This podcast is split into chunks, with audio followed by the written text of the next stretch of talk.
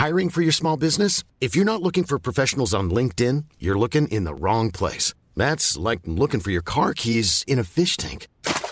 LinkedIn helps you hire professionals you can't find anywhere else, even those who aren't actively searching for a new job but might be open to the perfect role. In a given month, over 70% of LinkedIn users don't even visit other leading job sites. So start looking in the right place. With LinkedIn, you can hire professionals like a professional. Post your free job on linkedin.com slash people today.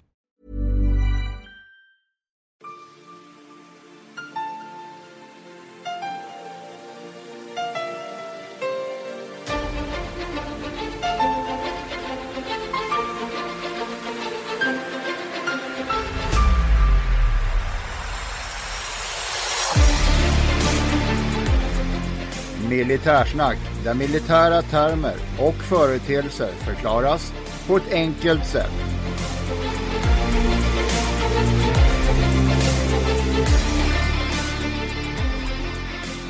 Då hälsar jag er välkomna till avsnitt tre av podden Militärsnack.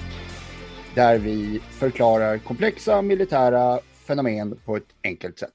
Och dagens ämne, det vi ska prata om, är ammunition och eldgivning. Jajamän. Och jag som pratar heter Henning Svedberg och bredvid mig sitter... Här sitter jag, löjtnant Andersson. Välkommen, välkommen. Tack så mycket. Ja, hur har vi... Vad ska vi säga om de första dagarna efter släppet på podcasten? Ja, men det har varit intressant och spännande. Just att eh, jag har fått mycket, mycket feedback. Väljer att använda ordet feedback, inte kritik. Kritik brukar ju låta negativt, även om det skulle kunna vara positivt. Men Ja. vi har fått mycket positiv respons. Ja, faktiskt. Så säger jag. Mm. En del mejl och en del telefonsamtal med folk som har, har varit väldigt glada över det vi gör. Det är jätteroligt. Jajamensan. Så är det. Ja, då sitter vi ju här igen då. då. Och eh, det är ju fredag, givetvis. Och då kommer följaktligen frågan, vad dricker du idag?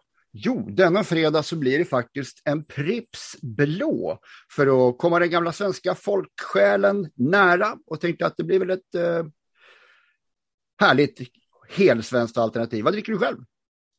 Gud vad trevligt. Det är lite, blir lite vibbar av gamla hedliga DDR-Sverige. Ja. Och vad har du i ditt glas? Ja, jag har gått in lite mer på premiumsegmentet här nu. Jag har ju pratat bruksöl i två avsnitt, men Mm. eh, jag kommer slänga mig med begreppet idag igen, för det här blir, det blir brukskloster ale då. då. Okej. Eh, idag, ja, men, idag sitter jag med en, eh, en Vreta Kloster, deras Matersbier. Vi gör uttalet oklart, men jag tror den heter, det säger, man säger nog Matersbier. Men det är ju, Vreta Kloster är ju ett litet, eh, tror till och med det är ett nanobryggeri här i Östergötland som ligger bredvid det gamla klostret och så då blir det, då blir det således klosteröl. Ja. Eh, väldigt trevligt. De har ett helt batteri med, med olika som jag provar igenom. Men just idag är det Matersbieren. Då. Den är en brukskloster. Det är ingen långkörare, ingen sån här eh, två timmars öl, utan det, den är ganska så, så svag. Trevligt. Ja. ja, bra. Kul. Ska jag förklara vad Pripps är? Tror, behöver vi? Då får vi börja gå in och prata om sån här, eh, vad heter det, statligt ägda bolag och sådana saker. Vi hoppar det. Vi hoppar över det. Jajamän. Ja, vi som har vaggats till Rambo, vi tror ju lätt att det, liksom, att det finns hur mycket ammon som helst i, en, i ett eh, hand, eldhandvapen och att man kan skjuta bara automateld och hur länge som helst. Hur ser verkligheten ut? Verkligheten är väl den att eh, det kan man säkert. Men eh, det är ju bra om man träffar någonting. Eh, grunden med eh, eldgivningen är ju att vi vill eh, ha en effekt. Att Mm. vi vill, eh, ja, att vi vill träffa där vi, där vi siktar. Mm. Ja. I verkliga livet så skulle ammunitionen ta slut väldigt fort för herr Rambo där antar jag. ju. Jo, i teorin, så kan, i teorin så skulle du kunna skjuta hur länge som helst, men eh, då får du ju ha en bandmatad kulspruta kanske med extremt långt band då, med tusentals patroner på. Men då måste du ändå byta pipa på grund av att den blir för varm. Mm. Så att eh, filmen ger ju ofta en felaktig bild av eh, eldgivningssätt och eh, vad man vill uppnå för effekt. Mm. Om vi tittar historiskt, vad, eh, hur, hur ser själva eldgivningshistorien ut om du förstår vad jag menar? Ja, jag är helt med.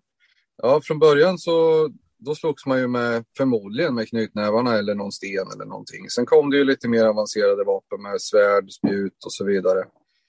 Men eh, allting som kan göra att man får ett avstånd till en motståndare eller en fiende är ju bra. Speciellt om du har det övertaget själv. Och eh, även andra fysiska saker påverkar som att slåss, det var sannolikt bra att vara stor och stark. Men att skjuta pilbåge, ja då kanske du inte behövde ha fysisk eh, A-status. Och det är samma sak när eldhandvapnet kom, att du kan skapa ett avstånd mellan dig själv och fienden. Mm. Sen så skaffade ju fienden också givetvis eldhandvapen och eh, kanoner. Det vi såg då, det var ju de här stora slagen på, då är vi framme en bit, men stora slag på öppna fält och man står och skjuter på varandra. Man har någon form av effekt. Det här var ju ofta slätborrade gevär, alltså utan räfflor i, vilket mm. vi kommer återkomma till. Så precisionen var ju sämre.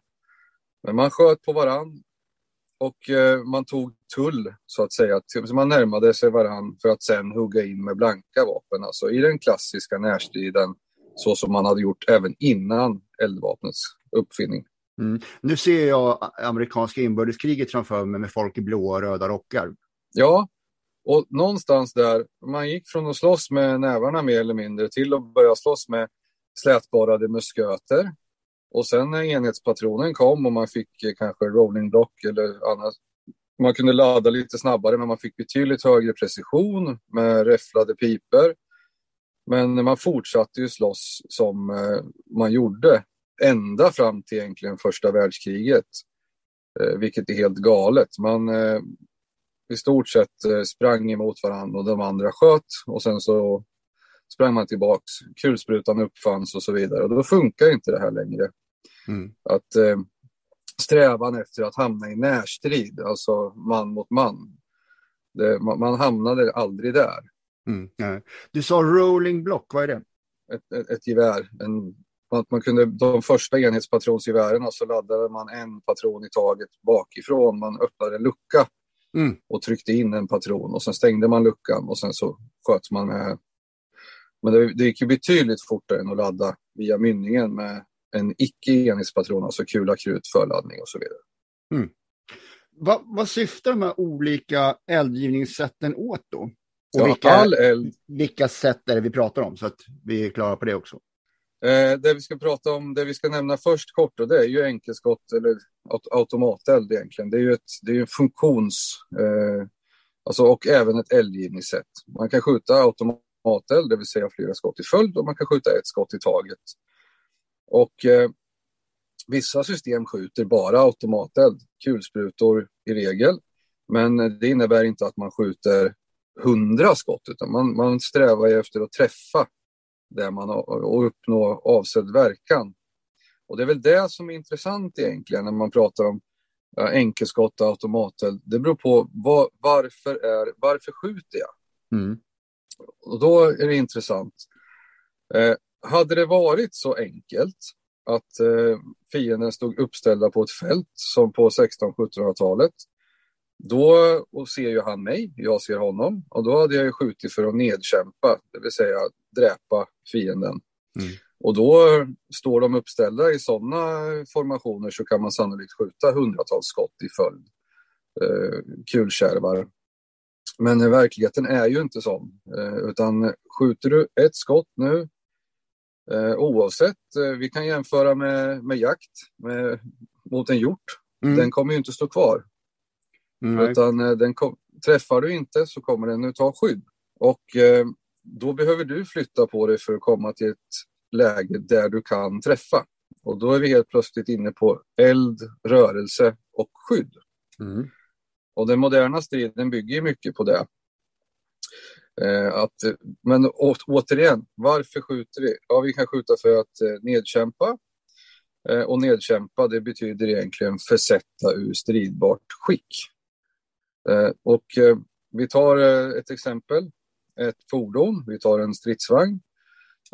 Kan den inte röra på sig, kan den inte skjuta, då är den försatt ur stridbart skick. Mm. Och då behöver jag inte skjuta mer just då. Så allting handlar ju inte om att utplåna saker. Men nedkämpa. Jag kan skjuta också för att nedhålla.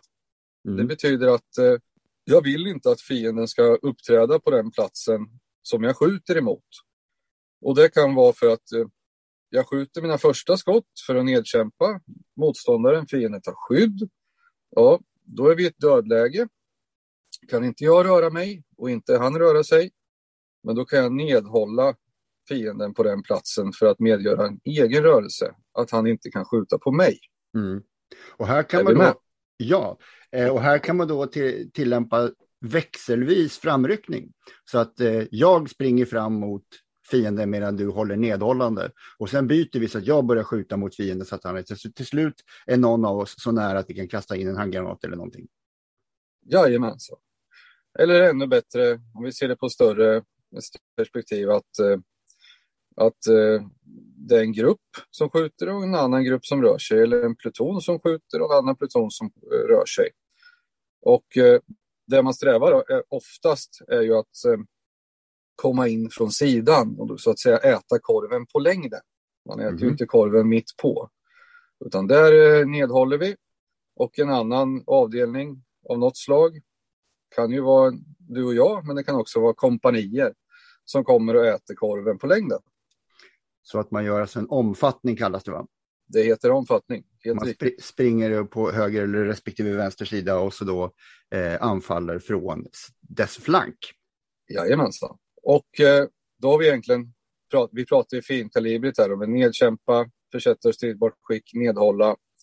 Eh, skjuter jag med andra system så kan jag även skjuta rök med granatgevär och indirekt eld och så. Och då kan det ju finnas andra elduppgifter som att förblinda. Som motståndaren ska inte se. Och det betyder inte att vi petar ut ögonen på honom, utan att vi skjuter rök så att han inte ser. Man kan eh, avskärma då skjuter man rök emellan mig och fienden så att han inte ser vad jag ska hitta på och så vidare.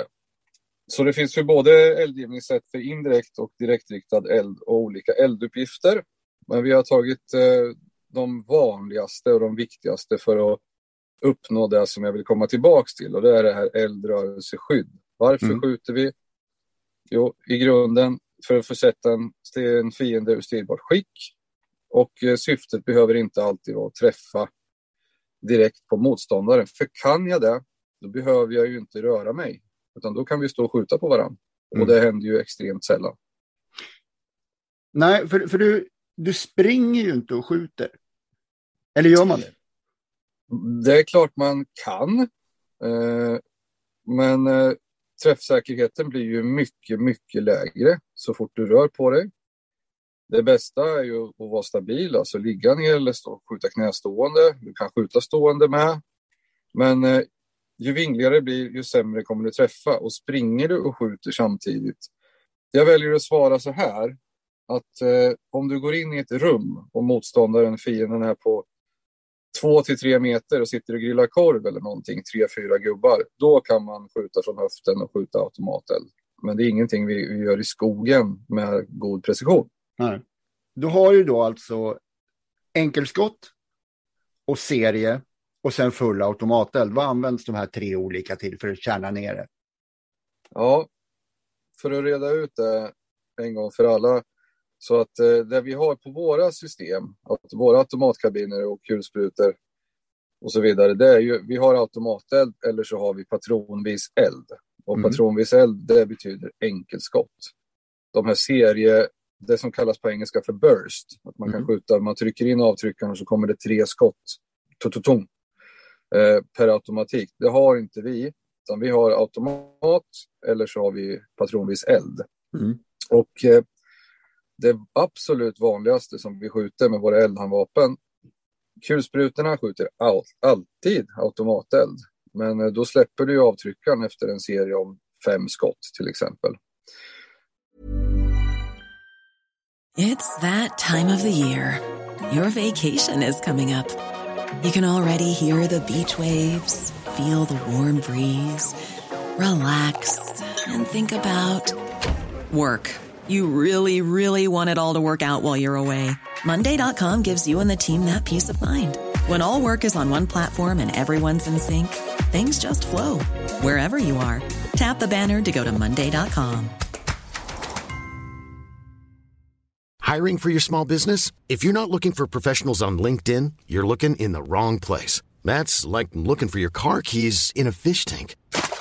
LinkedIn helps you hire professionals you can't find anywhere else, even those who aren't actively searching for a new job but might be open to the perfect role. In a given month, over 70% of LinkedIn users don't even visit other leading job sites. So start looking in the right place. With LinkedIn, you can hire professionals like a professional. Post your free job on linkedin.com slash people today.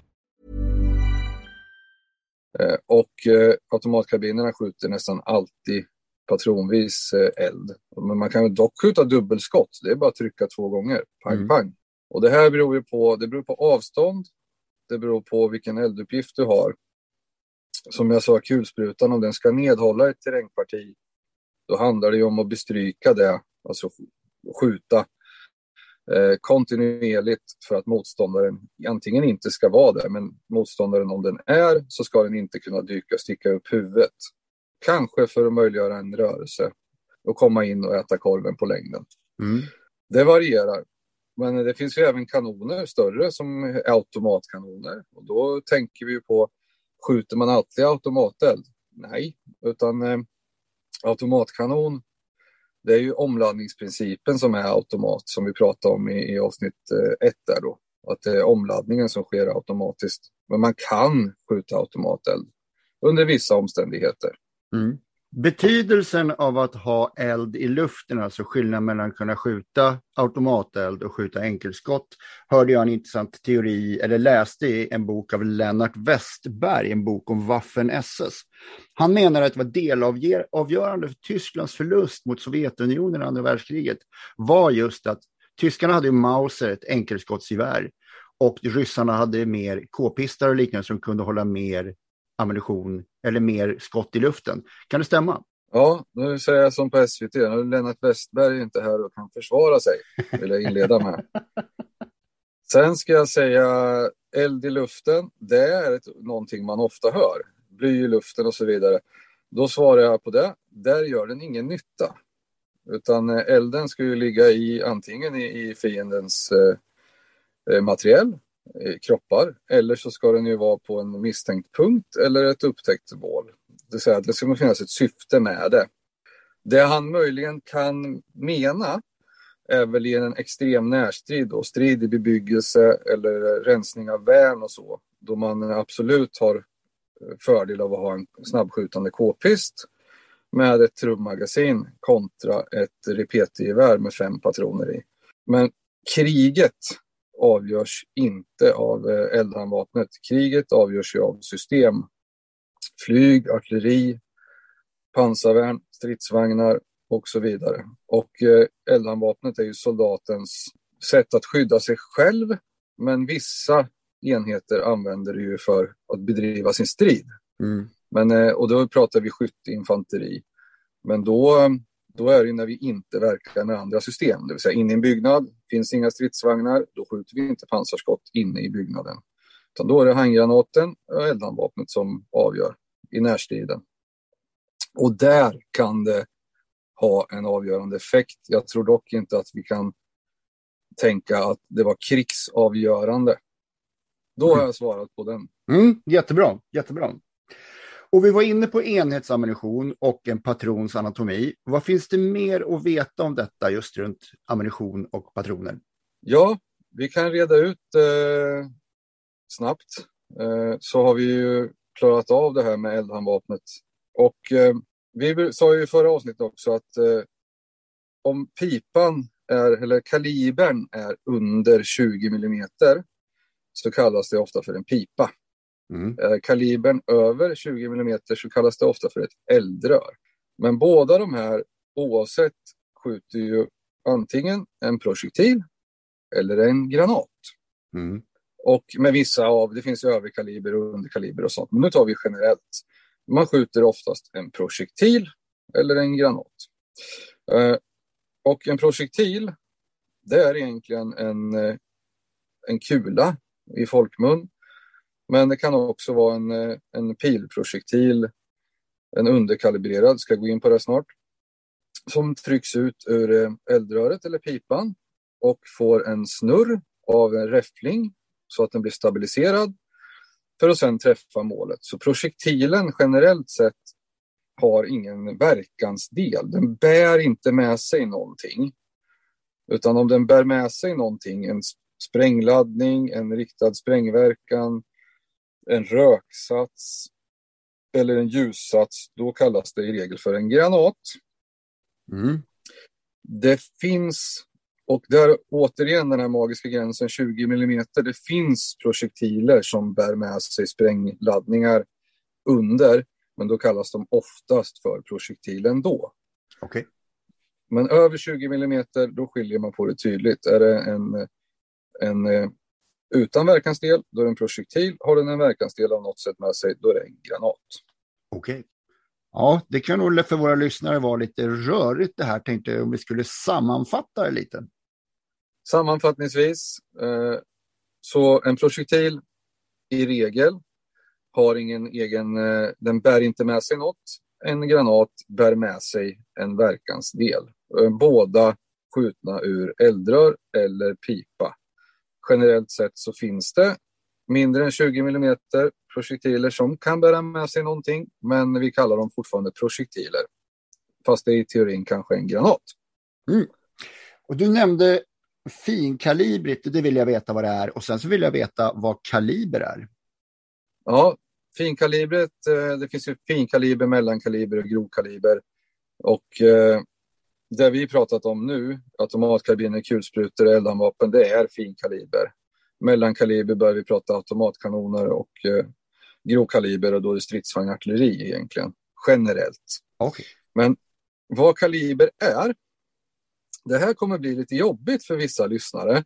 För att eh, skulle man fråga någon så tror jag de allra flesta, även de som anser sig kunna det, de säger att det är diametern på kulan eller projektilen. Mm. Det, som, det är det som är kaliber. Som, eh, vi tar det klassiskaste exemplet här, då, 762 x 51 NATO. Mm. Det är en, en 762-patron. Då tänker man att ja, 7,62 millimeter, det är diametern på, på kulan, projektilen. Eh, och det är det inte. Nej. Så det här blir jättejobbigt. Kaliber, det är ju egentligen eh, vad vapnet är avsett för, som jag sa precis innan. Och eh, inne i pipan eller eldröret, om det inte är slätborrat, så finns det bommar och räfflor. Och det är utskuret material som gör att det blir snurr på projektilen eller kulan. Och eh, de här utskärningarna de kallas för räfflor. Så den smalaste delen inne i eh, eldröret eller pipan, bommarna, det är avståndet mellan bommarna som är det minsta avståndet i pipan eller eldröret som har kalibern, till exempel 762.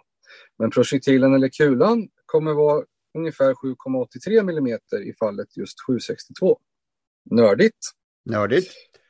Så nu kommer det en hel del eh, sportskyttar, hemvärnsmän och andra gå ut med skjutmått och gå ut och mäta. och eh, då får ni väl mejla in om det blir jättejobbigt. Eh, och det andra, jag sa gånger, det är hylslängden. Centimeter? Så ja, 762 gånger 51. Det är avsett att skjutas i en 7,62 mm gevär och som har en hylslängd på så att det passar i det, i det vapnet på 51 millimeter, millimeter. inte centimeter. Millimeter. Ja, jag sa fel. Så så ligger det till. Och det finns ju en hel uppsjö med kalibrar. Men i grunden, om vi ska ta det väldigt basic, du kan bara skjuta den enhetspatron som ditt vapen är avsett för. Och det är vapnet som är en kaliber. Och då kommer patronerna för att passa i den kalibern. Mm. Och kaliber har vi till exempel 9 mm, 762, 556. Och var kommer då 22 in? 22, nu blir det, vi ska undvika det. Vi ska hålla oss till eh, metric system och prata i millimeter. Mm. Eh, alla kalibrar har egentligen, eh, de kan finnas både i tum och i millimeter. Som till exempel då 762 eh, som vi pratade om, det heter kaliber 30 i staterna och de som använder tum. Och 22 är exakt en sån. Det är eh, punkt 22, alltså i tum, det är eh, 5,6 millimeter. Så att eh, en 556 som vi kallar den, den heter till exempel 223. Så vi ska inte röra till det utan vi använder millimetrar eh, både på kulor och hylsor. Men vi vet nu om att de kan heta båda och vissa kallas alltid för tum och vissa alltid för millimeter. Mm. Ja. Sen finns det ju när man skjuter någonting som heter framförhållning och det är det att du måste ju till exempel kasta en snöboll på någon som springer så måste du sikta mot ett ställe i, i luften som är tomt på människan när du kastar men det är fullt av människan när, du, när, när snöbollen är där. Ja, precis. Eh, det är ju så här enkelt att eh, när vi pratar projektiler ur eldhandvapen eller även på andra större system, då, projektiler ur eldrör, så är det ju så att eh, de här kommer ju få en ballistisk bana.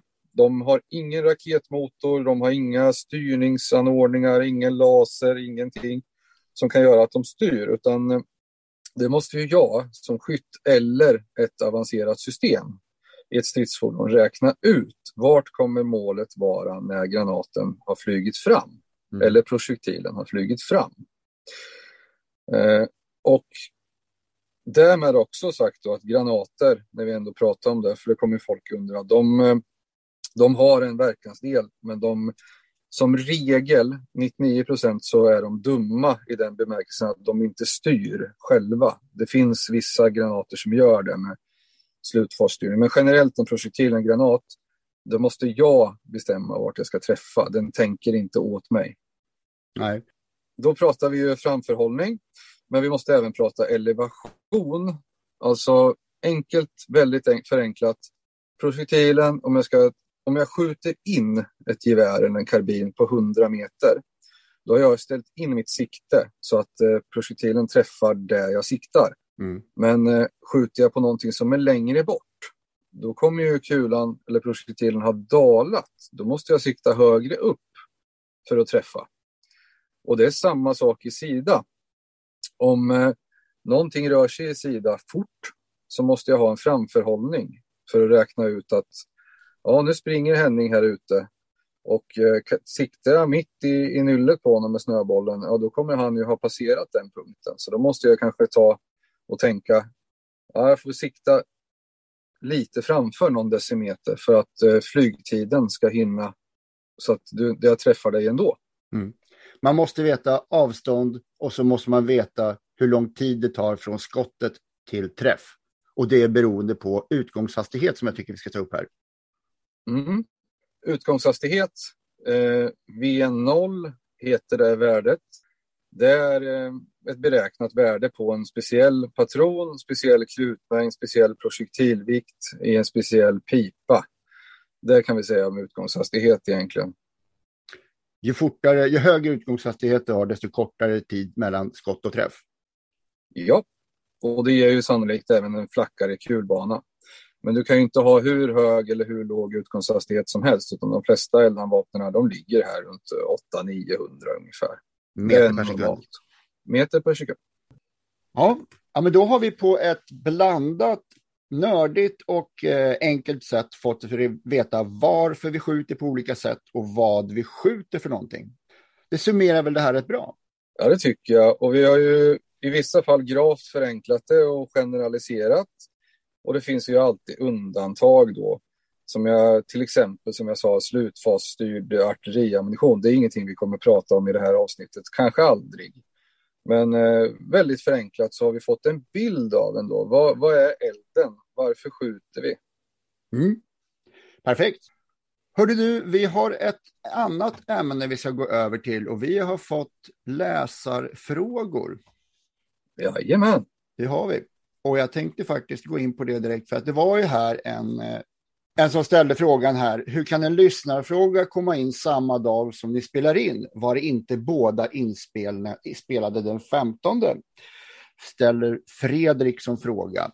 Och då, det är flera svar på det. Dels spelade vi inte in den 15 utan det var eh, datum då den skulle släppas och vi gjorde lite miss där. Och den här frågan har hängt med sedan tidigare så att eh, den kom inte emellan där, den har varit och hängt i luften bland våra kompisar och våra, vår testpanel. Jajamän, Just. och det man ska veta man ska ju veta också att vi hade ju en testpanel en vecka innan som sagt och det kom ju frågor från, från den panelen också. Ja, precis. Men Fredrik frågar också, varför skjuter löjtnanten på tofu? Tofu, därför att det är en onödig företeelse. Det räcker så. Du avskyr tofu. Ja, och ni som vill ställa frågor och kommentera, gör det. Och var hör man av sig till då, löjtnanten? Då hör man av sig till eh, militarsnack.gmail.com. Man kan även gå in på hemsidan militarsnack.se eller gå med i Facebookgruppen Militärsnack Podcast. Snyggt, snyggt. Och apropå det då, om du nu får välja fritt, vad skjuter du och vad skjuter du på med dagens ämne? Dagens ämne, då blir det en back med lättöl som kommer nedkämpas med kulspruta modell 36 dubbel kulspruta, sån här vattenkyld på en KP-bil, en gammal som jag rullar fram och eh, skjuter 250 skott minst in i den här backen med lättöl. Ja, det är lysande. och då frågar jag dig samma sak. Jo. Vad vill du nedkämpa?